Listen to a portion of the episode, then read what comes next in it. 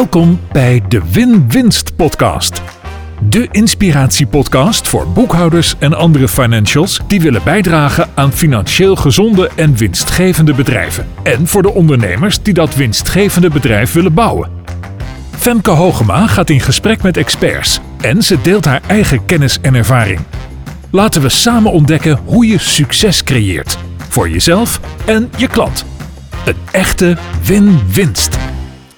En ik zit in de podcaststudio met Frank Filemon.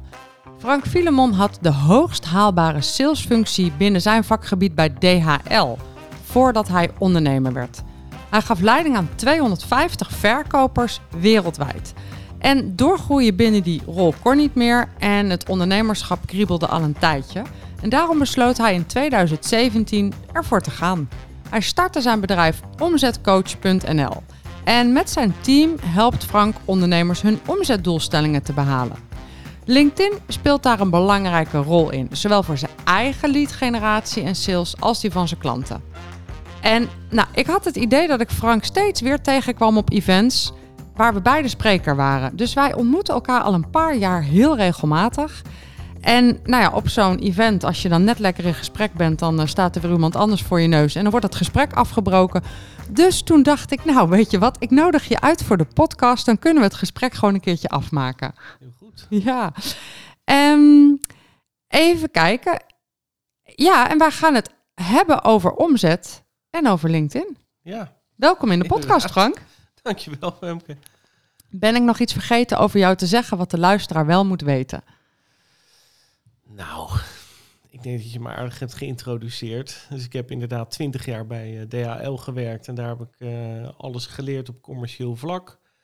Uh, zowel vanuit marketing, customer service en sales, sales management. En ik was inderdaad wereldwijd verantwoordelijk voor alle lead generatie en inside sales bij de lucht- en zeevrachtdivisie van DHL. En dat was, ja, daar lag mijn passie hè, bij, bij die verkoop binnendienst. En um, nou ja, goed, daar, daar begon het wel te kriebelen, ook vanwege technologische ontwikkelingen, social media, internet, AI. We zitten natuurlijk volop in een nieuwe age. En dat speelde een aantal jaar geleden ook bij DHL. En ik liep daar een beetje ja, voor de fanfare uit. En toen dacht ik, ja, dat is wel super waardevol wat we hier aan het doen zijn. Ik wil dat ook gaan delen met, uh, met andere ondernemers. En zo is het een beetje gegaan. Ja, leuk. Ja, en AI, daar ben je ook best wel actief mee. Dus daar, daar moeten we misschien zo meteen ook nog even over hebben. Maar eerst. De ondernemer en zijn boekhouding. Want jij bent ook ondernemer. Hoe heb jij je boekhouding geregeld? Uh, niet. dat heb ik uit, lekker uitbesteed. Nou, dat is ook regelen. Ja, ja, inderdaad. Nou, ik ben begonnen met, uh, met een Excel-dingetje natuurlijk ooit. Dat, dat was al na een paar weken, dacht ik, nee, dat gaat hem niet worden. Toen heb ik een, uh, een online boekhoudprogramma genomen op aanraden van een andere ondernemer. En daar was ik eigenlijk ook na drie maanden wel klaar mee, want ik vond het toch echt wel te ingewikkeld en te veel afleiden van mijn core business. Dus ik heb uh, een administratiekantoor bij Claudia in Voorschoten. Mooi. En dus je hebt het uitbesteed en um, um, stuur je dan op cijfers? Ja, we sturen wel op cijfers. Dus cijfertjes, dat, dat, dat is voor ons wel enorm belangrijk. He, dus dan hebben we het niet alleen over, uh, over inkoop en verkoop natuurlijk, maar ook over productiviteitsgetallen, hè, KPI's en, en uh, statistieken. Uh, dus dat, dat, is wel een belangrijke. Maar je zegt productiviteit. Je bent uh, een, een, een MKB-ondernemer met een klein team. Wat bedoel jij dan met productiviteit? Nou ja, kijk, wij, wij we werken dus veel met LinkedIn, zoals je in de intro al aangaf. En op LinkedIn heb je natuurlijk te maken met getallen. Hè? Je hebt bijvoorbeeld je aantallen volgers, en je hebt uh, profielbezoekers, je hebt je impressies op de content die je deelt. Dat zijn allemaal getallen waar je op kunt managen. En dat doen jullie ook? Ja, want dat is, dat is onze levenslijn. Ja, dus elke maand willen we nieuwe volgers, we willen onze profielbezoeken op peil houden, we willen, uh, ja, ik heb zelf zeg maar vorig jaar uh, rond de 7 miljoen impressies gehad op LinkedIn. Nou, dus de lat ligt hoog en dat betekent dat ik elke maand honderdduizenden impressies wil hebben. Ja, en ja, uh, meten is weten. Dus ik snap dat je dan zegt, ja, dat moeten we dan gewoon dus ook meten. Nou ja, en meten is weten. Kijk, uiteindelijk, je, je wil bovenop je, je prestaties zitten. Hè? Dus je wil als ondernemer, is het meest vervelende volgens mij wat er kan gebeuren, is dat je je omzet niet haalt en jezelf niet kan uitbetalen. En dan krijg je frustratie, ga je wakker liggen, noem maar op. Dus de voorspelbaarheid van de omzet wil je zo hoog mogelijk hebben. Ja, wat je daaraan kan doen, je kan, je kan niet zeggen, ik wil volgende maand 10 nieuwe klanten. Dat kun je wel zeggen, dat kun je wel willen, maar daar, daar zul je activiteiten voor moeten uitvoeren, salesactiviteiten. Nou, toen ik begon, jij vertelde al, gaf leiding aan 250 mensen in 50 landen, die, die deden bij elkaar 1 miljoen telefoontjes. Dat is de zekerheid die je koopt. Dat is productiviteit, dat zijn salesactiviteiten. Met dat volume heb je altijd nieuwe klanten. Nou, los van het feit dat we ook gingen kijken naar hoe kunnen we dat slimmer doen, was dat voor mij wel de belangrijkste eh, vraag van toen ik voor mezelf begon. Alleen als, als eenmanszaak, hoe ga ik dan impact maken? Hoe ga ik volume maken? Ik kan nu mijn netwerk activeren, dat is natuurlijk een makkelijke eerste stap. Maar daarna, hoe kom ik ja, organisch aan klanten? Hoe ga ik een sales funnel opzetten? Hoe ga ik leads genereren, et cetera? En dan wil je grip hebben op hetgene wat eigenlijk het enige wat beïnvloedbaar is. En dat noem ik dan input KPI's. Ik kan wel zeggen, ik wil vandaag gewoon 10 telefoontjes doen. Maar ik kan niet, niet stellen wat daaruit komt. Maar dus de, de productiviteitscijfers, en zo zie ik ook LinkedIn. Ik kan beïnvloeden hoeveel volgers ik heb. Want als ik een nieuwe connectie maak, heb ik een nieuwe volger.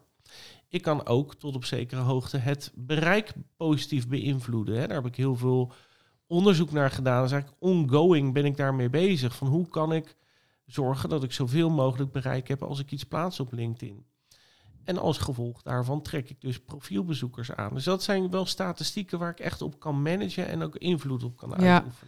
En wat je net zei is volgens mij zo belangrijk, want jij zegt je, je kan wel sturen op input, je kunt niet per se sturen op output. Ja. Ik zeg altijd focus je nou op het proces, want het proces heb je invloed in. En dat is eigenlijk ook wat jij zegt, want het is precies wat je zegt. Ja. Je kunt wel besluiten, ik ga vandaag tien telefoontjes plegen. Ja. En dat is waar je invloed op hebt. Dus dat is wel.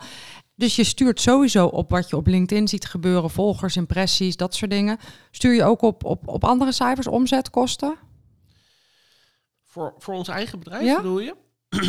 Ehm, ja, uiteraard. Ik heb, ik heb eh, tot op detailniveau heb ik alle kosten overzichtelijk. En daar kom ik ook niet boven.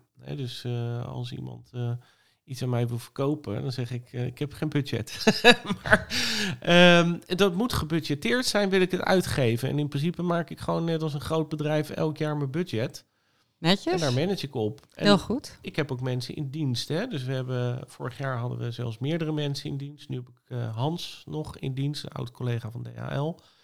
Ehm, ik huur ook een locatie, net zoals jij. En we gebruiken best wel veel tools. Dus ja, je, je kosten op maandbasis. Het is niet zo dat en mensen denken vaak een ZZP'er, ja, je hebt geen kosten. Ja, dat is dus wel zo. Ja, dat is dus En wel. dus zo. ik, ik weet precies eh, maar wat mijn kostenbasis is. Dan weet ik ook wat mijn marge is. Dus wat betaal ik mezelf uit? Wat, wat moet ik aan de belasting betalen, et cetera? En dat bedrag is mijn target. En als ik daarboven zit, dan vier ik feest Ja. aan het einde van de maand. En daaronder accepteer ik eigenlijk niet. Nee. Dus ik, ik doe er alles aan. Als er dan zo'n maand vordert, dan zie je van... hé, hey, wacht even, we gaan niet de goede kant op. Nou, dan gaan we focussen op die input KPI's. Meer gesprekken, meer offertes uitbrengen. Want we weten ook, ja, onze conversiepercentages liggen vrij hoog. En dan is het gewoon wet, een wetmatigheid. Als Ja. ik maar voldoende offereer, komt er ook voldoende business uit. En je, je zegt het alsof het heel vanzelfsprekend is, maar niet alle ondernemers ondernemen zo. Dus dit, dit klinkt heel financieel bewust en, en wel overwogen. Dus eh, ja, complimenten. Ja, maar goed, dat moet ook wel. Kijk, ik kom natuurlijk uit een baan waarbij eh, ik nooit geldzorgen heb gekend. Buiten het feit dat het ook heel leuk was om de hele wereld rond te reizen en al die hotels te overnachten. Maar eigenlijk zie je dat vaak wel als plaatje van, van de, ja, de, de ondernemerscoaches en de businesscoaches en de goeroes en zo'n hangmat op zo'n onbewoond eiland. Ik zat daar dus hè, in, in al, die, eh, al die oorden. Ik reis echt letterlijk van China eh, weer terug naar Rusland. ik naar moet er niet aan denken om de hele tijd te reizen. Ik vind een paar keer per jaar superleuk, maar altijd reizen lijkt me... Ja, ik had eh, zeg maar gemiddeld eh, 25 reizen per jaar. En dan ja, variërend van, van twee à drie dagen. Nou, meestal waren het drie dagen en soms was het ook wel tien dagen. Ehm, maar goed, dus dat wereldje, dat was heel comfortabel. En ik kreeg gewoon netjes elke maand mijn geld op mijn rekening gestort. Dan kwam er in april altijd nog een bonus en in mei het vakantiegeld. Had de auto van de zaak, alle verzekeringen waren geregeld, pensioen. Ja, dus dat, dat, ik wil niet erop achteruit gaan als ondernemer. En ik ben natuurlijk wel ehm, in het begin, ja, snapte ik wel van oké, je gaat niet vanaf dag één ga je, dat, ga je dat verdienen. Maar dat is wel mijn streven om gewoon een stabiel inkomen en een goed leven te kunnen leiden. Ja. En daar heb ik dus die sturing voor nodig. Ja. En, en mijn klanten ook, want dat is natuurlijk ook ons product wat we verkopen. Jij, jij koopt eigenlijk, als je gebruik maakt van omzetcoach.nl, koop je een sales manager naast je. Die Ja. je, eh, jou gaat helpen om de juiste prioriteiten te stellen, juiste beslissingen te nemen, juiste acties te bepalen. Ja. Ja, nou, je zegt net al wel wat over geld, hè, over een stukje stabiliteit en een goed inkomen. Is geld belangrijk? Nou ja, geld belangrijk. Ik denk dat geld het allerbelangrijkste is wat er bestaat in, in de huidige wereld waarin we leven. Of het voor mij het allerbelangrijkste is, is een andere vraag. Ik heb geld nodig om te kunnen leven, om boodschappen te kunnen doen, mijn hypotheek te kunnen betalen, mijn vakantie te gaan. En ik wil niet dat mijn gezin leidt onder de beslissingen die ik neem.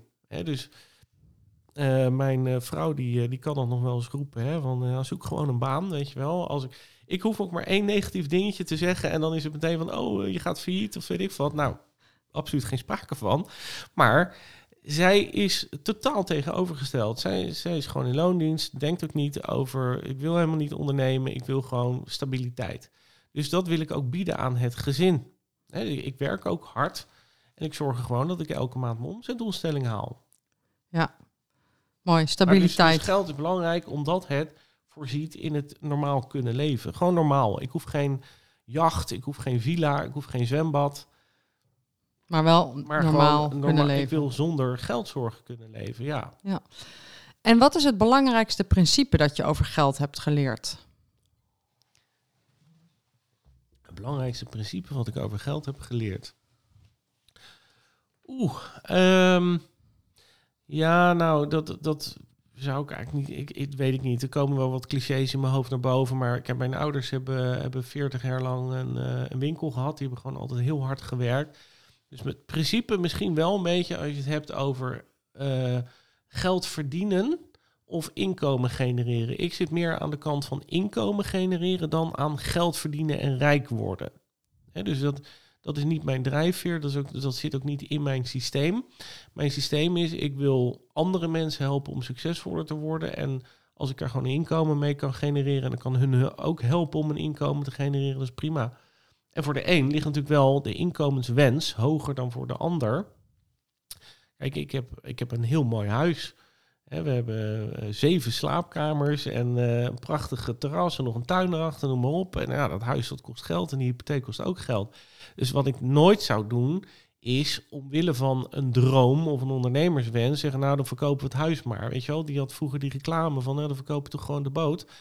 Ik, ik wil niet inboeten. Dus, en ik werk er hard genoeg voor, dan wil ik ook een ondernemerswaardig inkomen voor, voor terugverdienen. Dat is, dat is Ja, mijn is- overtuiging. Ja, ja, ja, ja. Ja, voor jou is geld een, een middel om je leven te leven zoals jij dat wil leven. Ja, precies. en ja. Dat, dat is niet een overdreven luxe leven. Ik heb wel, ik heb wel een dure hobby. Ik hou nogal van snuffelen op rommelmarkten en dat soort dingen. En dan zeg je, ja, maar het is heel goedkoop. Het is allemaal dubbeltjeswerk. Nou, niet. En ik zit, zit meer zeg maar, in de curiositeit en de wat, wat zeg maar... ehm, eh, jij hebt, die, je hebt zo'n spaarpot staan, hè? Een Brabantia blik. Ja, zo'n Ja. Brabantse blik met van die potjes waar je dan je geld in. Die verzamel ik, die blikken. Ja. Daar heb ik er tientallen van. Oh ja. Ja, en dat niet alleen die blikken, maar spaarpotten. Alles wat... Ik ben ooit begonnen met munten verzamelen, maar dat, dat is gestopt. Dankzij een inbreker die die hele muntenverzameling Oh, heeft meegenomen. Toen wa- was ik er klaar mee. Maar ik, ik heb wel iets met geld in die zin dat ik het... Ik vind het leuk. Ik vind het muntjes le- leuk, zeg maar. En alles waar je muntjes in kan stoppen, dat verzamel ik. Oh, wat lachen. Ja. Dus, en, maar en dat is kennelijk ook een, een dure hobby. Nou, soms zijn er dingen wat zeldzamer. ja. En dan zijn ze wat duurder. Ik had het al heel vroeger, namelijk in de 18e eeuw, had je kleine zilveren spaarbuisjes. Daar konden dan vijf centjes in, zilveren vijf centjes of tien centjes. Ja, zo'n zo'n spaarbuisje kost wel al gauw 200, 300 euro. Oh ja, echt? Ja. Maar als jij dus vroeger al eerst munten verzamelde en nu spaarpotten eigenlijk verzameld. Ja, laten we zo maar noemen. wat, maar- wat heb je, wat, waar komt dat dan? Wat heb je dan met geld? Waar komt dat dan vandaan? Nou, dat, dat, dat, dat komt wel uit die winkel van mijn ouders. Daar heb ik ook gewerkt. En in die tijd had je nog guldens natuurlijk. En dan betaalde iemand met af en toe met een zilveren gulden. Dus tot 1967 had je zilveren guldens. Maar die waren gewoon nog in de omloop. En mensen, ja, die hadden dat er soms niet door. En dan hoorde ik al het rinkelen op die toonbank. Hé, hey, een zilveren gulden. Hoorde je dat? Ja, ja, die haal ik eruit. En die ging ik, ging ik sparen, zeg maar, verzamelen. En mijn ouders hadden dus een tabakswinkel. Nou, tegenwoordig nog allemaal taboe. Maar die hadden sigarettenautomaten buiten hangen. En dan gooide iemand wel eens buitenlands geld in. En dan, dan ja, deed mijn vader eh, die, die kast open. En dan ja, zitten er buitenlandse munten in. Dus die had hij in een potje zitten. Ja, en dat zag ik toen als kind wel staan. En zei ja, dat mag jij wel hebben. En zo ben ik een beetje met die munten gaan verzamelen. Geweldig. Ja, en toen later, op, op latere leeftijd, ja, ging ik dan, had ik wel eens een dag vrij, ging ik naar een stad, naar antiekwinkeltjes, vragen, goh, hebben jullie toevallig ook munten? Want ik dacht, ja, als ik bij die muntenhandel ga, dan betaal ik de hoofdprijs, maar bij die antiekwinkels scoor ik misschien nog wel eens wat. De Nou, en- ondernemersgeest. en toen, ja, en toen kwam er dus op een gegeven moment zo'n zo'n eh antieke handelaar en nee, ik heb wel, ik heb wel muntendoosjes, maar geen munten. En zo ben ik met die Ja. muntendoosjes eigenlijk begonnen. Ja, super, super leuk. Ik denk dat bijna alle kinderen dat op een gegeven moment wel hebben, iets met geld. Dat is toch nou een ja, magisch... sowieso. Die, die spaarpotten vroeger. Bij de bank kreeg je natuurlijk spaarpotcadeaus en rekening openen. Dat nodigde uit om te gaan sparen. Ja, ik vind het heel jammer dat ik mijn penny spaarbuizen ding niet meer Ja. heb. Ja, Ja, maar ja. goed, die heb ik niet meer. Ik wel. De expert aan het woord. Ja, je vertelde het net al. Je had een goede functie bij DHL. Je had alles erop en eraan, bonussen, auto. Eh, en toen besloot je ondernemer te worden. Wat gaf dan toch de doorslag om die stap te zetten en eigenlijk dat, dat veilige haventje met dat veilige inkomen los te laten? Ehm, nou ja, twee ontwikkelingen. Dus ehm, ik was bij DHL bezig met eh lead generatie. En wij waren daar pilots aan draaien met LinkedIn for Business. En dat was uitermate interessant. We hadden binnen eh, drie maanden 600% return on investment. Dat we hé, hey, ja, dit is wel heel waardevol voor andere ondernemers ook om dat te weten. Dus dat was stap 1. En ik werd toen gevraagd zeg maar, voor lezingen. Ik stond op een gegeven moment op een social media summit naast eh, de Marcel Molenaar, de directeur van LinkedIn. En hij vertelt zeg maar, het theoretische verhaal. En ik vertelde het verhaal vanuit de praktijk. Dat was natuurlijk ontzettend interessant. Ehm, dus die business case van DHL, dat was eigenlijk de start. En toen heb ik gevraagd aan mijn leidinggevende van... joh, vind je het goed als ik een eenmanszaak opricht... om af en toe zeg maar wat van dit soort sprekersklussen bij te, snabbelen. maar nee, dus hij, hij had zoiets van, dat hartstikke goed. Want weet je, dat is ook een manier voor DHL om zichtbaar te zijn en eh juichen we toe. Nou, en toen, zeg maar, praten we even in stroomversnelling, 14 maanden later, eh, verviel mijn functie. En toen had ik dus eigenlijk mijn eigen vangnet gecreëerd. Want ik had inmiddels gewoon, ja, huurde ik een, een, werkplek, had ik twee stagiairs zitten. Ik had een, een extra omzetcoach erbij. En ik was aan het ondernemen naast mijn fulltime baan bij DHL. En ik kon eigenlijk zo inschuiven in mijn eigen bedrijf. En toen had ik zoiets van, joh, dan ga ik dat eerst doen. Mocht dat nou echt niet lukken, dan kan ik altijd nog gaan solliciteren. Maar we zijn inmiddels zes jaar verder. En het is gelukt. Hoeveel tijd kostte het jou om een goed lopend bedrijf op te bouwen waar je voldoende inkomen uit kon halen voor je eigen levensonderhoud? Ehm, nou, ik heb mezelf lastig gemaakt door mezelf niet als interimmer aan te bieden. Hè? Dus eh, je kan als ZZP'er, kan, ik- kan je binnen een maand gewoon een fantastisch inkomen Ja, tuurlijk, dat ken ik ook. meer- ja, Ja, dus, ik had gewoon 80 euro per uur, dat is eigenlijk nog weinig, maar dat was eh 17 jaar geleden. Ja. Ja, dan zit je dus op een ton per jaar als je vier dagen in de week werkt. Ja. Dus dat is op zich easy peasy, dus- maar dus- dat deed je niet. nee, die, Nee. die keuze had ik Nee. helaas niet gemaakt. Of helaas, ook niet helaas, want dat was een bewuste keuze. Ik wil een bedrijf opbouwen en niet een, een ZZP interim. Want dan had ik net zo goed in loondienst kunnen blijven. Maar daardoor werd het wel wat lastiger. Dus die eerste twee jaar, ik zal, zal daar, ik, ik, ik heb dat al regelmatig gecommuniceerd. Ik had het eerste jaar had ik 22.000 euro omzet. Het tweede jaar had ik 68.000 euro omzet. Het eerste jaar was het leuke bijverdiensten, want toen had ik die fulltime baan nog. Het tweede jaar had ik 68.000, maar ging ik weg bij DHL. En, en dat ging wel gepaard met een gouden handdruk, overigens. Dus heb ik die gouden handdruk, ja, die heb ik eigenlijk geïnvesteerd in het bedrijf. Niet letterlijk in het bedrijf, maar gewoon om mijn levensstijl te kunnen blijven bekostigen. Nou ja, en vanaf, vanaf, jaar, vanaf dat moment zijn we vol gas gaan geven en zijn er ook meer mensen bijgekomen. En inmiddels hebben we gewoon een paar ton omzet op jaarbasis. En, en is die, die drempel was eigenlijk heel, heel mooi zeg maar, in elkaar overgevloeid. Netjes hoor, netjes. Ja. En als je dan dus terugdenkt aan, ehm, hè, want eigenlijk zeg je, nou, het eerste jaar was echt eh, nog was ernaast. Het tweede jaar gingen we wel wat doen, maar het was nog niet helemaal genoeg. Vanaf het derde jaar ging het lopen. Kun je dan dus drie stappen identificeren waarvan je zegt, nou, dat zijn wel echt heel concrete stappen die ik heb gezet om er een voldoende winstgevend bedrijf van te maken. Ja. Ehm, ja, nou, de stappen zijn eh, onder andere geweest dat ik, ik heb bedacht, nou, wat ik doe is misschien niet uniek in de markt, maar wel, ja, ik ben uniek in de zin van, en, en ik heb een bepaalde aanpak, een bepaalde visie. En volgens mij is dat een format, hè, is dat een methodiek. En die methodiek heb ik uitgeschreven, die heb ik gedeponeerd ook bij, bij het merkenbureau. En eh, daar ben ik mee gaan werven. Daar ben ik andere omzetcoaches in gaan meenemen en, en mijn team gaan uitbreiden. Dus ik dacht dat dat de juiste stap zou zijn. Dat, dat is ook de juiste stap, maar het is ook een hele lastige stap. Want je hebt dan eigenlijk te maken met een team wat je gaat managen. En dat team kent ook verloop. Nou, hadden we, op, hadden we op een gegeven moment acht omzetcoaches. En op dit moment ehm, ja, hebben we er drie. En, en mezelf dan. Hè, dus daar mag wel weer iemand bij gaan komen. Ja. Maar dat is dus een, een deel van het businessmodel, verdienmodel, is andere mensen opleiden om onze producten en diensten te verkopen. Volgens jouw methodiek. Dat is daar dus Ja, belangrijk met- met in. Dus je bent niet zomaar wat gaan doen. Je had echt een eigen methodiek. Ja, dus die Ja, methodiek precies. als basis. Eerst natuurlijk gevalideerd, Ja, getest in praktijk, aan klanten geworven, testimonials. Nou, we hebben iets wat bewezen succesvol is. Een paar, paar, paar specifieke LinkedIn-vragen. Want je hebt het over 7 miljoen impressies op een jaar. En toen zei je dat zijn er 100.000 per week, zei je dat nou? Nee.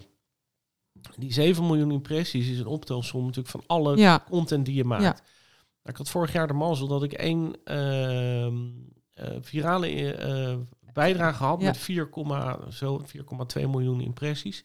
En ik had er ook nog één met 1, nog wat. Dus ik had al 5 miljoen impressies met twee posts. maar doe eens één tip. Wat is er voor nodig? Want ik, ik had laatst een post, die, die deed het onwijs goed. Maar dan heb ik het over, eh, wat was het? 17.000 impressies, geloof ik. Vond ik onwijs goed, maar dat is geen anderhalf miljoen. Dus Nee. doe eens een tip. Hoe kom ik van die 17.000 naar anderhalf miljoen impressies? Heel moeilijk. Die is heel moeilijk, ja. Ja, ja want LinkedIn wil het ook niet. Hè? Nee, Link- oké. LinkedIn is eigenlijk een soort kruistocht bezig tegen zijn gebruikers. Als jij, als jij met, je, met je hoofd boven het maaiveld uitsteekt, is LinkedIn er als de kippen bij er af te hakken.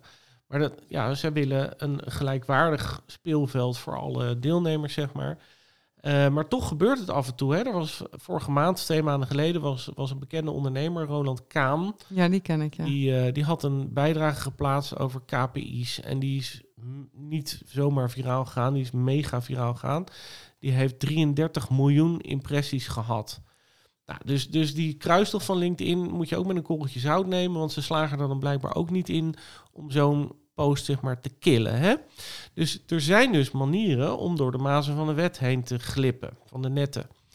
Ehm, en daar zijn we constant naar op zoek. En, en de allerbelangrijkste spelregel is in feite natuurlijk gewoon goede content. Waar betrokkenheid op komt. Als jij iets plaatst waarvan men zegt: hé, hey, daar heb ik een mening over, of dat vind ik leuk, of ik, of ik, ik reageer daarop omdat daarop gevraagd wordt. Dan krijg je dus likes en comments of stemmen op zo'n peiling. En dat, dat zorgt voor continu toename van die impressies. Het vervelende is dat iedereen krijgt 24 uur de tijd, zo'n beetje grofweg. Dat kun je ook zien als je van die statistieken eraan plakt. Er zijn tooltjes voor, bijvoorbeeld Shield Analytics is zo'n zo'n tool.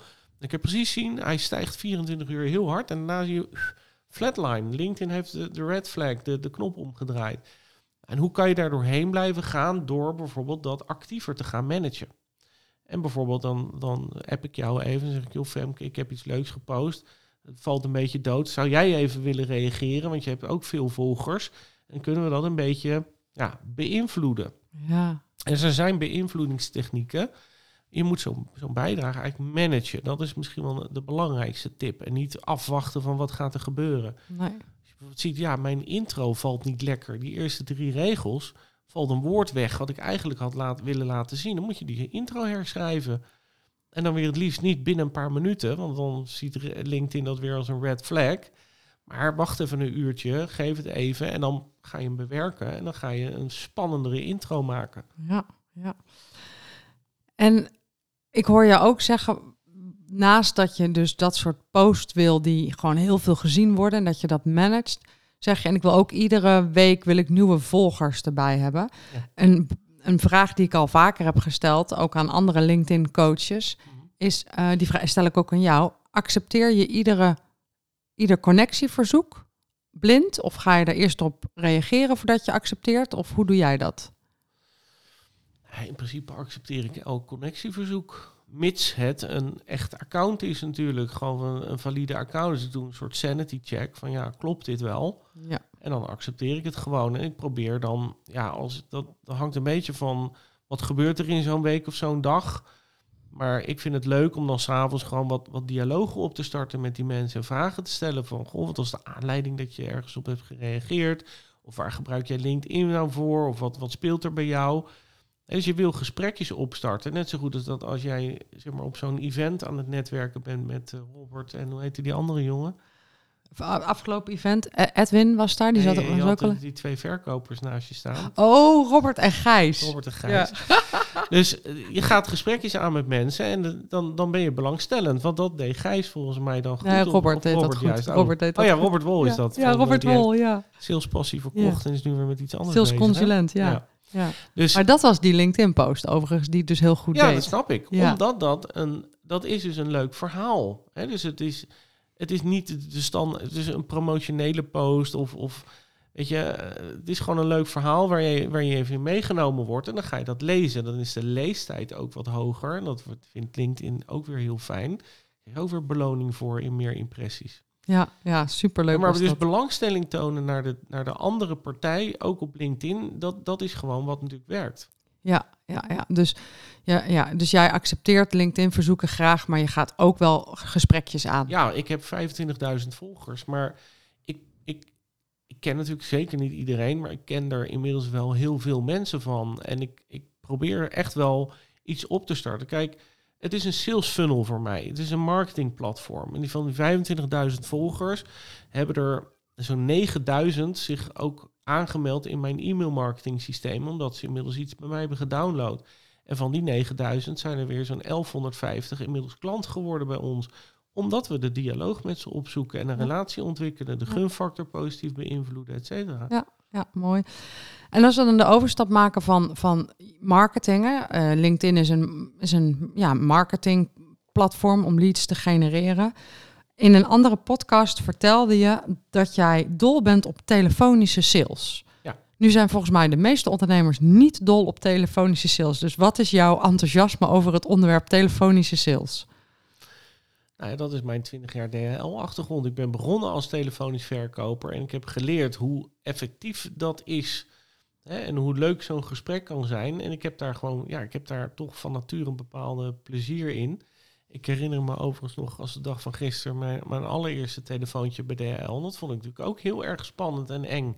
Er zat er ook nog een coach naast me, dat was Loes Fans. Dat was een soort instituut op die afdeling. Ja, vond dat vreselijk spannend. En, maar die, ja, die heeft mij wel geholpen om over die, die drempelvrees, die iedereen denk ik wel heeft, van ik ga met een onbekende bellen, van ja, hoe gaat dat gesprek verlopen? Een stukje voorbereiding, een beetje anticiperen.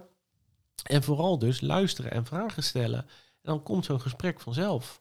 Ja. Ik ga vooral niet verkopen. Nee, je gaat luisteren en vragen stellen. Ja, en, Ik, en als, er al, als ik al iets wil verkopen, dan draai ik het proces om en dan, dan laat ik iemand van mij kopen. Maar dat kost tijd. Ja. En de meeste mensen hè, die hebben gewoon geen tijd. Hè? Dus ook niet om LinkedIn te doen. Heb geen tijd voor. Kun ik het, kan ik het aan je uitbesteden? Nee, doen we niet. Bellen, ja, heb ik geen tijd voor. Vind ik niet leuk. Zo'n gesprek willen ze dan in vijf minuten afraffelen. Een gesprek kan wel een half uur of drie kwartier duren. Ja. Ik heb vandaag ook weer drie kwartier met iemand aan de lijn gezeten. Het was helemaal geen klant. Die had mij een LinkedIn berichtje gestuurd of ik even ergens op wilde reageren. Ik denk, ja joh, dat wil ik wel, maar je doet het verkeerd. Nou, dan bel ik en dan geef ik hem een tip. Ik zeg van, joh, volgens mij kun je het beter zo doen. Oh, nou, wat interessant. En dan ontwikkelt zich een gesprek. Ja, en misschien wordt hij ooit wel klant. Of zegt hij tegen iemand anders van, joh, dit is een interessante kerel. dan moet je, moet je contact mee opnemen. Dus ik investeer heel veel, ik geef heel veel, ik verbind, voeg waarde toe. En dat is de manier, zeg maar, om uiteindelijk ja, ook een LinkedIn, maar überhaupt het netwerk als Mhm. leadbron te ontwikkelen voor mij. En je zegt als het gaat om telefonische sales, moet je vooral niet verkopen. Je moet eh, vragen stellen en luisteren. En je moet zorgen dat die ander zich gaat, dat die ander bij jou wil gaan kopen. Hoe, hoe zorg je daarvoor dan? Wat voor vragen stel je dan dat die ander uiteindelijk wil kopen? Of dat die ander zich aan jou gaat verkopen? Mhm. Nou ja, of die ander gaat zich niet aan mij verkopen, maar die besluit om in zee met mij te gaan, omdat hij me vertrouwt of ziet dat ik een bepaalde expertise heb of waarde toevoeg. Ehm, kijk, wij hanteren een, een, v- een eh, verkoopgesprekstructuur natuurlijk, maar dat zit gewoon zo in mijn hoofd en in mijn natuur dat ik daar niet meer heel erg over hoef na te denken. Maar klanten helpen we met een structuur, dus niet met een script. En in die structuur hebben we een, een eh, ja, hebben we bedacht, nou, omzetstructuur. En de O staat dan voor omstandigheden. Dan hebben we de M van moeilijkheden, de E van effecten en de T van toekomstperspectief. Ja, Dus wat betekent dat? Omstandigheden. Nou, waar, met wie heb ik te maken? Wat speelt er bij je? Eh, vertel eens wat over je organisatie of je drijfveren. Nou, dan gaan mensen gaan gewoon vertellen, want dat vinden ze leuk. Die M, waar loop je tegenaan? Wat zijn je uitdagingen? De E, het effect. Wat betekent deze uitdaging voor jou als ondernemer? Wat betekent het voor je bedrijf? Wat betekent het voor je gezin? Zowel zakelijk als persoonlijk. En persoonlijk maakt het natuurlijk extra krachtig. En dan toekomstperspectief. Wat wil je en wat heb je nodig? Wat, Ja. ja. hè, dus wat zou het effect zijn van een positieve verandering? En wat gaat jou daarbij helpen? Nou, dan is het heel mooi als iemand zegt... eh, ja, eigenlijk iemand hebben die mij opleidt tot winstadviseur. ja Als ik een administratiekantoor heb. Ja, wat leuk dat je zegt, we hebben een, een salesgesprekstructuur en die, die komt dan vanuit de letters omzet. Terwijl als ik het vergelijk met Spin. andere, ja, als je het vergelijkt met andere methodes, zijn het natuurlijk dezelfde Precies. ingrediënten, maar je hebt er je eigen woorden van gemaakt. Ja, Ja. spinselling en ik noem het zelf weer anders, maar spin is dat Spin situatie, probleem, impact. Ehm, niet, niet, niet pay-off. Dus het is situation, problem, impact, niet pay-off. En dat is dus de, de basis. Hè. Ik weet niet meer even, die Rackham heet die geloof ik. Neil Rackham, die heeft jarenlang onderzoek gedaan bij allerlei bedrijven. En dat is de grondlegger zeg maar, van spin selling.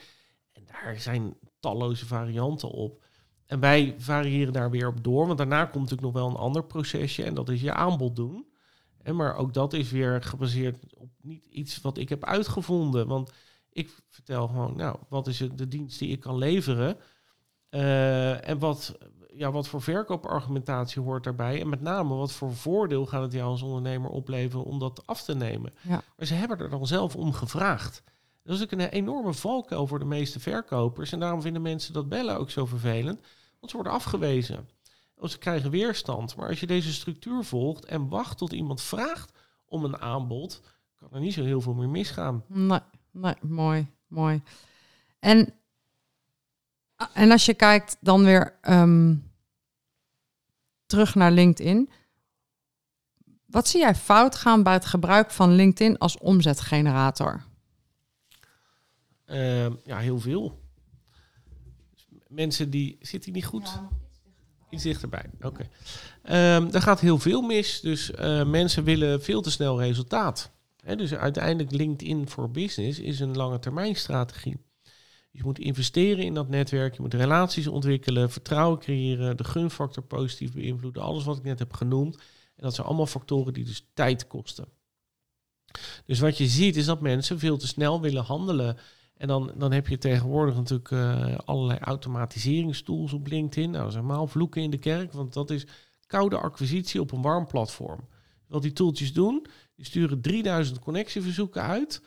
Daar wordt een deel van geaccepteerd. Dan gaan ze geautomatiseerde, via misschien wel AI-achtige oplossingen, chat-robots opzetten.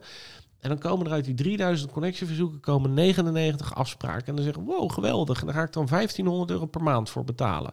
Dus ik ben al bijna 20.000 euro kwijt voor een geautomatiseerd proces waarmee ik dus 2900 potentiële waardevolle contacten gewoon heb verbrand. Want je zegt, ja, ik ga niet reageren op zo'n bot en dan krijg ik weer zo'n eh, connectieverzoek meteen een pitch om de oren. Dus dat gaat mis. Het tweede wat misgaat is in de content. En dat mensen denken, ja, content, dat moet allemaal over mijn propositie gaan en over mijn bedrijf. En ik moet, moet promoties erop zetten. Willen mensen natuurlijk ook helemaal. Je gaat je toch niet vrijwillig abonneren op een reclamezender? Dus ja, eh, de, de, de truc is, en er is eigenlijk geen truc, het is een, een strategie die je gewoon nodig hebt. Een plan vanuit een visie en vanuit een oprecht gedachtegoed. Je moet mensen gaan helpen. Je moet het leuk maken. Mensen zoeken entertainment, zoeken stories, emotie, herkenbaarheid. Dat netwerk moet gewoon continu opgeschud worden. Dat is de kracht. En ik hoor jou in alles, hoor ik jou zeggen. En het gaat over, over die oprechte relatie. Het is niet uh, kort te halen, snel thuis. Nee, dat heeft natuurlijk totaal geen zin. Nee. Kijk, en sowieso in onze business niet. Ik heb wel eens klanten die dan twijfelen. En dan zeg ik, ja, weet je, ehm, ik heb er totaal geen baat bij. Het is sowieso zit er nog iets tussen die omzetmethodiek en dat aanbod doen. Hè? Dus je hebt die omzetstructuur gehanteerd en dan, ja, dan dat, volgt uh, dat aanbod. Omstandigheden, moeilijk Precies. effect, toekomst. Die, ja. En daarna komt het aanbod. Maar daartussen zit iets in mijn hoofd. In mijn hoofd uh, kan ik bieden wat die klant vraagt. Is het voor mij commercieel interessant? En ben ik eventueel nog iets over het hoofd? Heb ik iets over het hoofd gezien? Maar ik maak de, ik maak de, de call van ga ik hiervoor of niet, ga ik dit aanbieden. Als ik het aanbied, sta ik ook 100% achter. Dan weet ik dat die klant heeft de juiste propositie, de juiste doelgroep om succesvol te kunnen zijn. En die heeft ook een normale terugverdientijd. Dus je kan binnen drie maanden kan die gewoon met gemak die investeringen in ons terugverdienen. Maar soms twijfelen mensen dan toch. Um, ja, en dan, dan ben ik kwijt wat ik wilde zeggen. Maar We hadden het over pro problemen uh, wat mensen verkeerd doen bij LinkedIn. Dus je hebt het over bots, je hebt het over. Ja. Um, nou ja. ja. Kijk, uiteindelijk mensen moeten het zelf gaan doen. Ja. He, dus wij, wij kunnen ze. Oh ja, ik weet wel wat ik wilde zeggen. Dus als ik dat aanbod doe, dan heb ik er dus 100% vertrouwen in dat ik ze kan helpen. Maar ze moeten het zelf doen. Maar ik heb dat vertrouwen dat het dus gaat lukken. Het is een bewezen succesvolle methodiek, dus ze hoeven daar in feite niet, niet bang voor te zijn. Maar ze moeten het wel doen. Ze moeten het wel gaan ze doen. moeten het wel doen, ja. Ja. Ik snap dat heel erg wat je zegt over die bots, maar ook over gewoon, gewoon um, standaard berichten. Uh, daar gaat zoveel mis en dat is echt wel volgens mij een heel groot risico. Ik kreeg nou toch laatst een bericht van iemand uit het buitenland Ja. en die wilde mij profit first Oh ja. methode Ja. verkopen. Oh. En ik ken die persoon, dus ik heb haar ook teruggemaild. Je weet dat ik Profit First Nederland run, toch? Ja, ja, sorry, dit bericht heb ik niet zelf verstuurd. Ja, denk ik, ja, dat- kan dus niet, hè? Nee, is kansloos. Ja, ik heb, Kansloos. ik heb dat ook meegemaakt, zelf. Eh, wij gebruiken geen bots, maar ik heb mijn eigen bot in dienst. Dat is Hans. Ja, En Hans die stuurt nog wel eens berichtjes aan mijn naam. Want het is gewoon soms te druk in mijn ja inbox. dat snap ik. En dan ja, had hij laatst ook een bericht naar iemand gestuurd die ik net daarvoor had gesproken. Dus dat was heel Ja, stomzinnig. dat is pijnlijk. En dan leg ik dat wel uit, maar dan blijft het pijnlijk. Dus Ja. ik, ik heb nu ook met Hans een afspraak gemaakt. gaan we dus gewoon niet meer doen. Dan maar iets meer tijd kwijt of een suboptimaler proces. Maar ik vind dit gewoon heel vervelend. Ik wil dit zelf ook niet. Nee. Dus het, daarom zeg ik, het is echt een investering in tijd. Ja. Ehm, en, en dan zeggen mensen, ja, maar hoeveel tijd ben ik er dan in kwijt? Nou ja, eigenlijk hoeft het ook niet heel veel meer dan bijvoorbeeld in de ochtend een kwartiertje en aan het einde van de dag een kwartier. Dan kun je dat relatief gezien goed managen. En sommige mensen hebben dan wat meer moeite met het maken van content. Nou, daar helpen dan onze programma's natuurlijk ook wel een beetje bij. Maar ook dat maken ze vaak veel te ingewikkeld. Hè. Dat is ook wel iets wat ik mis zie. Dan hebben ze dus enorme verhalen en eh, artikelen heel erg hun best op gedaan. En dan krijgen ze heel weinig betrokkenheid en dus weinig eh, impressies. LinkedIn wil ook gewoon, en de mensen willen ook gewoon snackable content, willen gewoon makkelijke content. Het is ook, je mag alles op dit platform, hè? officieel niet, maar eh, er is officieel, zijn er wel richtlijnen, maar er, er is natuurlijk niet eh, letterlijk een LinkedIn-politie. Die LinkedIn-politie wordt gevormd door jouw publiek en door andere gebruikers van het platform. En dan zie je wel eens iemand die zegt, ja, dit hoort eh, niet op LinkedIn thuis, hè. Maar wie bepaalt dat dan? Als zo'n post. Ik had van de week een klant die was op vakantie gegaan. Die werd bij de, bij de incheck tegengehouden, want een hondje woog te zwaar. Die mocht niet meevliegen. Nou, dat was natuurlijk drama. Vakantie ging niet door. Heeft ze een foto geplaatst van het hondje en dat vakantieverhaal. Nou, die doet het hartstikke goed, zo'n post. En, en dan kan je ook wel tegen wat andere webmatighe- webmatigheden ingaan op LinkedIn. Dus je zegt van nou ja, sommige dingen zijn niet handig om te doen. Maar dan zo'n hond en zo'n verhaal maakt het dan weer goed. En dat zorgt voor die betrokkenheid. Maar er is altijd natuurlijk wel weer iemand die zegt, dit eh, hoort hier toch niet. Maar de likes en de comments spreken voor zich. Er zijn heel veel mensen die dus wel waarderen. Dat is ongeveer 50-50. Hè? Dus 50% zegt persoonlijke content moet kunnen. Die andere helft, ja, die is er of op tegen. Of zegt van ja, ik vind het niet handig. Of, of die onthouden zich zeg maar, van commentaar. Maar de, de mensen die, die uh, het hardst schreeuwen, die krijgen natuurlijk wel een podium. En daar laten mensen zich dan door, door, uh, door weerhouden. Ja. En dat van de week ook weer iemand die dan zei van ja, ik weet, ik zie dan dat dat allemaal niet hoort. En zeg ja, je bepaalt het gewoon zelf. En er zit even goed een groot publiek wat het wel waardeert. Ja, als je zegt het gaat over relaties bouwen, dan kan een persoonlijk verhaal natuurlijk heel goed onderdeel zijn van het bouwen van die relatie. Zeker, want mensen doen zaken met mensen, die willen jou leren kennen. Precies. Dat is een onderdeel van het proces. Is onderdeel van het proces, ja. En uh, LinkedIn heeft tegenwoordig ook een nieuwsbrief. Ik zag dat jij hem ook gebruikt. Wat, wat, waarom zouden we die kunnen gebruiken? Wat is daar handig in? Ja, de nieuwsbrief is een onderdeel van de creator-modus. Mhm.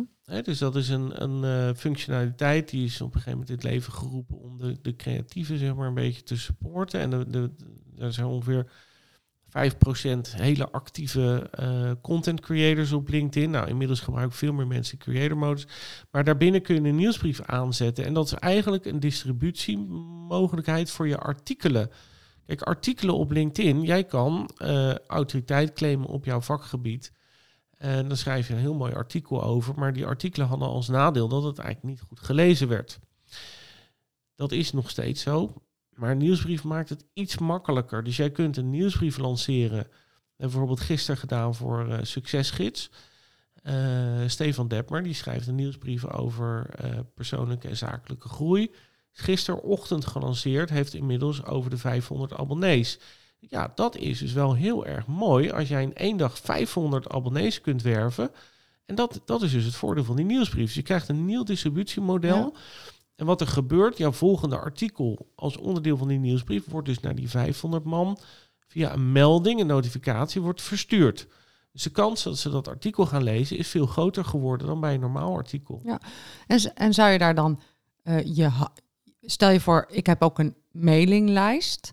Stuur ik dan hetzelfde artikel wat ik aan mijn mailinglijst stuur ook via LinkedIn? Of moet dat echt een ander artikel zijn?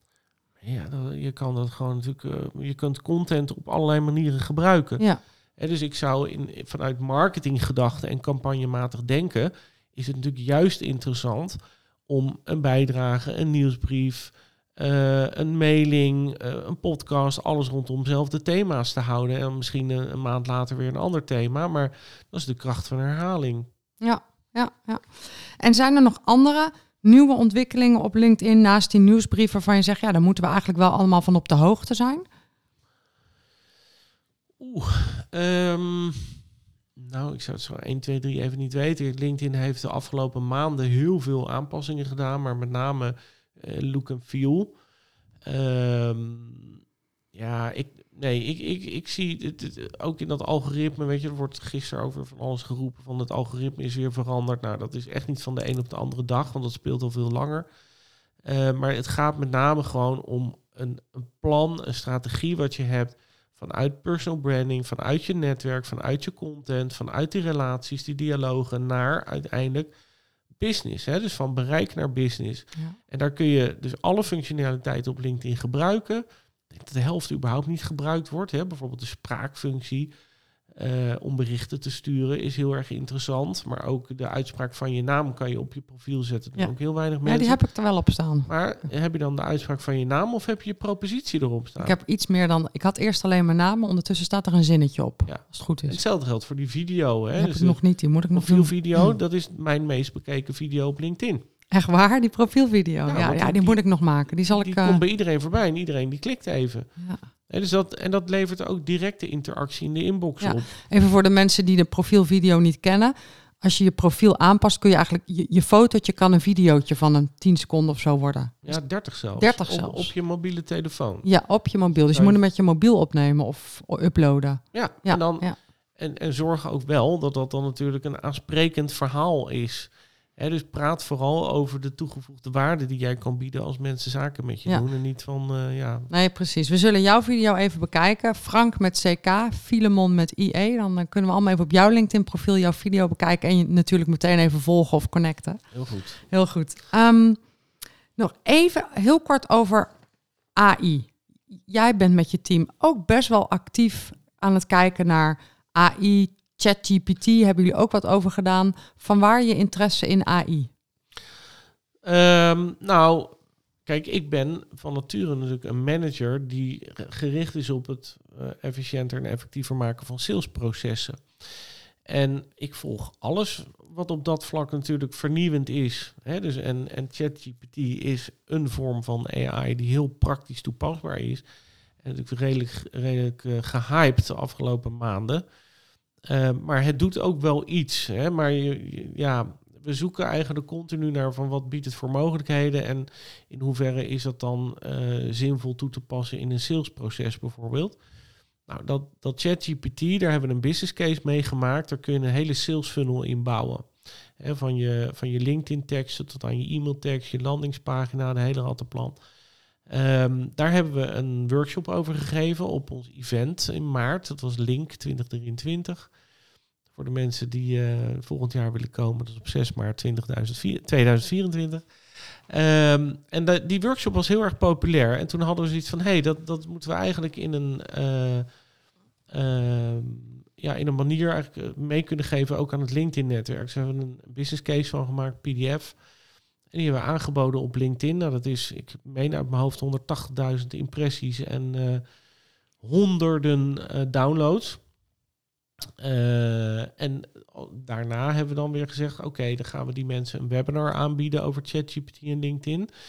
Daar hebben 275 mensen aan deelgenomen. Dus dat is gewoon een onderdeel A, inhoudelijk, maar ook een, een sales funnel. Dat is ook een trigger natuurlijk. Ja, ja.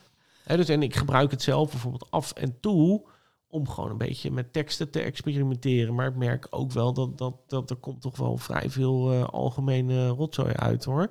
Dus je moet wel echt oppassen als je dat gebruikt. Want ik herken nu al, Ja. oh, dit is gewoon een ChatGPT-post. Nou, Die herken ik ook. Die gaat alweer uh, voorbij bij mij. Die herken ik ook. Nou, ik gebruik ChatGPT zelf wel, maar vooral om ideeën te genereren. Ja. En dat werkt voor mij echt wel, eh, echt wel heel goed. En dat kan ook bijvoorbeeld zijn voor een training. Dan wil ik een, een training over een onderwerp Ja. geven. En dan denk ik, ja, maar hoe kan ik dat nou even praktisch maken? En dan vraag ik aan ChatGPT een leuke oefening. En die komen er gewoon uit. Ja, Er komen echt leuke oefeningen dat uit. is heel interessant. En het is ook eh, in die zin interessant voor iedere ondernemer die dus met een probleem zit. Het is ook een beetje ondermijning van onze business case. Maar eh, ik had laatst een, een klant en die ging tegen alle verwachtingen niet akkoord. Waarom niet? Omdat zijn, zijn partner die zei van joh, eh, ja, jij geeft altijd overal veel te snel akkoord op en dan ga je er vervolgens niks mee doen, dan weet ik het allemaal. En dat hadden wij niet goed opgepakt, vond ik. En toen ging naar ChatGPT. Ik zeg van, oké, deze case. Iemand, iemand zou klant worden, haakt op het laatste moment af. Partner is niet akkoord. Wat, wat is een beste strategie? Ja, en dan komen er toch wel hele zinvolle suggesties ja? uit, hoor. Dus als ondernemer kun je op allerlei vlakken... waar jij zelf niet een expert in zou zijn... kun je dat natuurlijk ook doen. Hè. Dus, I don't know, verzin maar eens wat. En, en stel die vraag. Dus marketing, expertise, sales boekhouding, hè, om daar nog maar eens op terug Ja. te komen. Dus er Ja. zijn allerlei, allerlei eh, expertgebieden ja, waar ChatGPT heel erg interessant voor is. Ja, ja. Nou, dat, eh, dat, dat ben ik helemaal met je eens. De adviezen voor de financial. Nou, je hebt al best heel veel tips gegeven. Ehm, maar ja, ik gooi me er toch maar even in. Je weet maar nooit wat voor toffe tips er nog uitkomen. Kun je vanuit jouw expertise een aantal tips geven voor de luisteraars die ze meteen kunnen aanpakken om meer winst in de breedste zin te realiseren? Dus meer winst in geld, eh, tijd, energie, maar misschien ook wel volgers, eh, connecties. Ehm, ja, ehm, wij hebben best wel veel klanten in, in de doelgroep die jij ook bedient. Hè? Dus ehm, administratiekantoren en, en eh, aanbieders van boekhoudprogramma's en dergelijke. En wat ik, wat ik tegen hen altijd zeg is, ga veel meer inderdaad op dat sociale vlak zitten, hè? op dat persoonlijke vlak. Kijk, dat jij een product of een dienst aan te bieden hebt, dat weet iedereen wel. En dat kunnen ze ook zien op je profiel. Maar ze moeten jou ook als mens gaan waarderen. Of je nou verkoper bent bij een organisatie of zelfstandig ondernemer. En zeker als het gaat om financiële gegevens. Ik, ik geef alles over aan een andere partij. Die moet ik 100% kunnen vertrouwen. A, dat mijn cijfers in goede handen zijn. B, dat daar uh, op de juiste manier mee wordt omgegaan. Dat het een professional is die zijn vak verstaat. Hè, en, en niet uh, mij uiteindelijk verkeerd adviseert. En dan kom ik op misschien nog wel het allerbelangrijkste punt. Is dat die financials, uh, die, die mogen wat mij betreft zich veel meer onderscheiden op adviesvlak. Um, en wat bedoel ik daarmee? Kijk, wij, wij zijn omzetcoach en wij, wij gaan dan met klanten kijken van hoe kan je je omzetdoelstellingen halen. Nou, dat is fantastisch als je dat haalt. Maar als je aan de andere kant twee keer zoveel uitgeeft, heb je natuurlijk nog steeds een groot probleem. Dus die boekhouder of administratiekantoor, die moet daar veel meer een adviesfunctie in hebben, vind ik, richting die ondernemer. En dus de, de, de administratie moet ook niet zomaar een soort van verplichte iets zijn wat je doet ten behoeve van de Belastingdienst, maar dat moet iets zijn wat jou als ondernemer gaat helpen om de juiste beslissingen te nemen, de juiste prioriteiten te stellen. Kunnen we als omzetcoach bij helpen, maar daar heeft zo'n financieel adviseur natuurlijk ook gewoon een rol in. En dan, eh, ja, ik denk, ik denk dat daar een onderscheidend vermogen ligt. En dan, uh, dan helpt het ook als, als, als je dus uh, je klanten faciliteert met het juiste boekhoudpakket. En ik ben daar helemaal geen specialist in. Ik heb daar zelf de verkeerde beslissing ingenomen, gaf ik aan het begin. Maar ik ben wel uh, al een tijdje in contact met een bedrijf, en dat heb ik jou ook wel eens genoemd, dat is Asperion.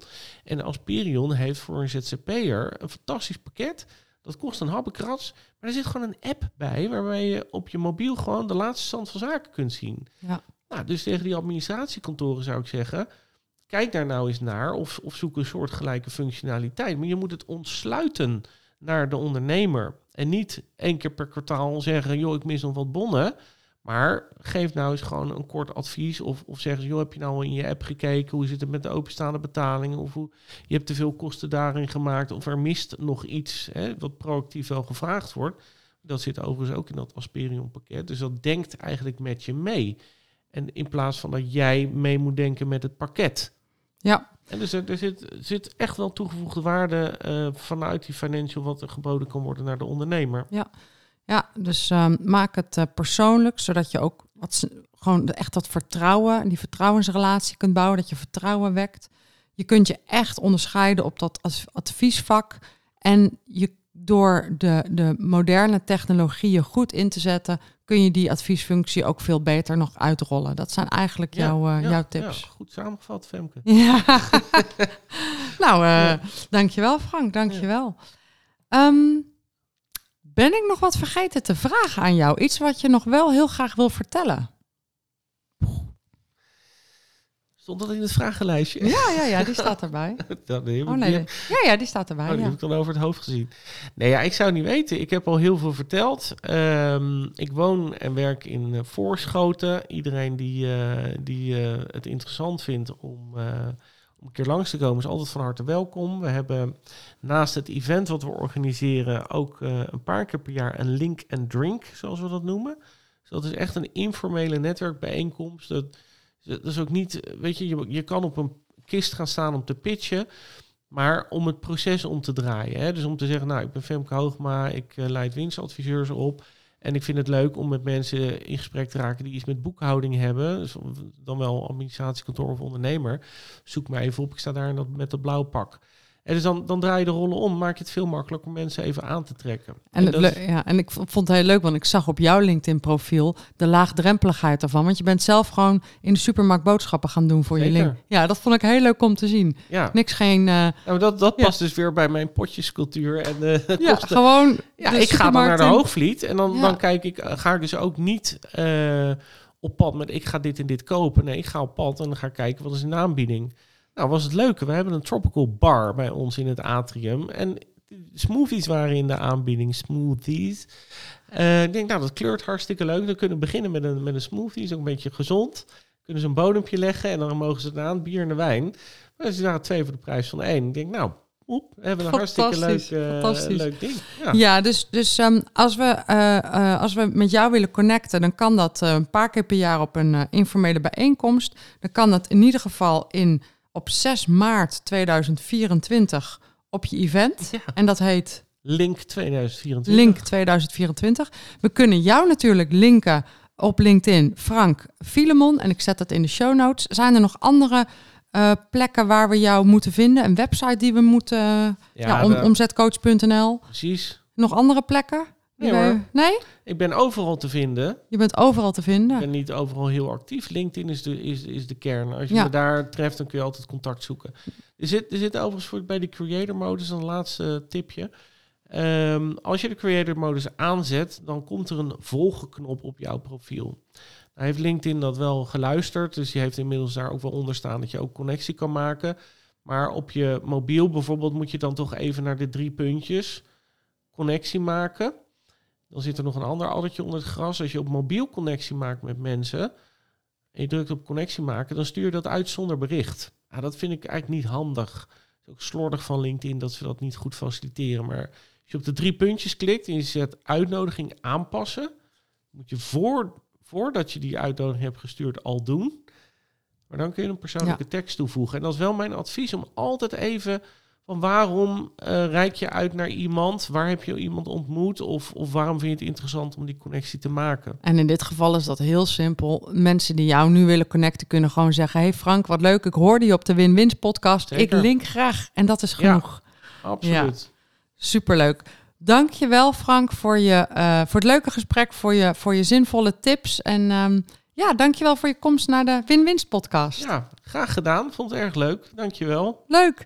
Je luisterde naar de Win-Winst podcast voor de ondernemende boekhouder en de ondernemer die winstgevend wil ondernemen. En je helpt me enorm met je review. Ik heb natuurlijk heel graag dat je me vijf sterren geeft. En misschien zelfs dat je eh, in, eh, in een stukje tekst vertelt wat je zo leuk vindt aan deze podcast. Dan maak je mij en eventuele nieuwe luisteraars heel blij mee. Ik zie je heel graag volgende week weer op woensdag, Win-Winsdag. En abonneer je op deze podcast, dan krijg je vanzelf een seintje als er een nieuwe aflevering online staat.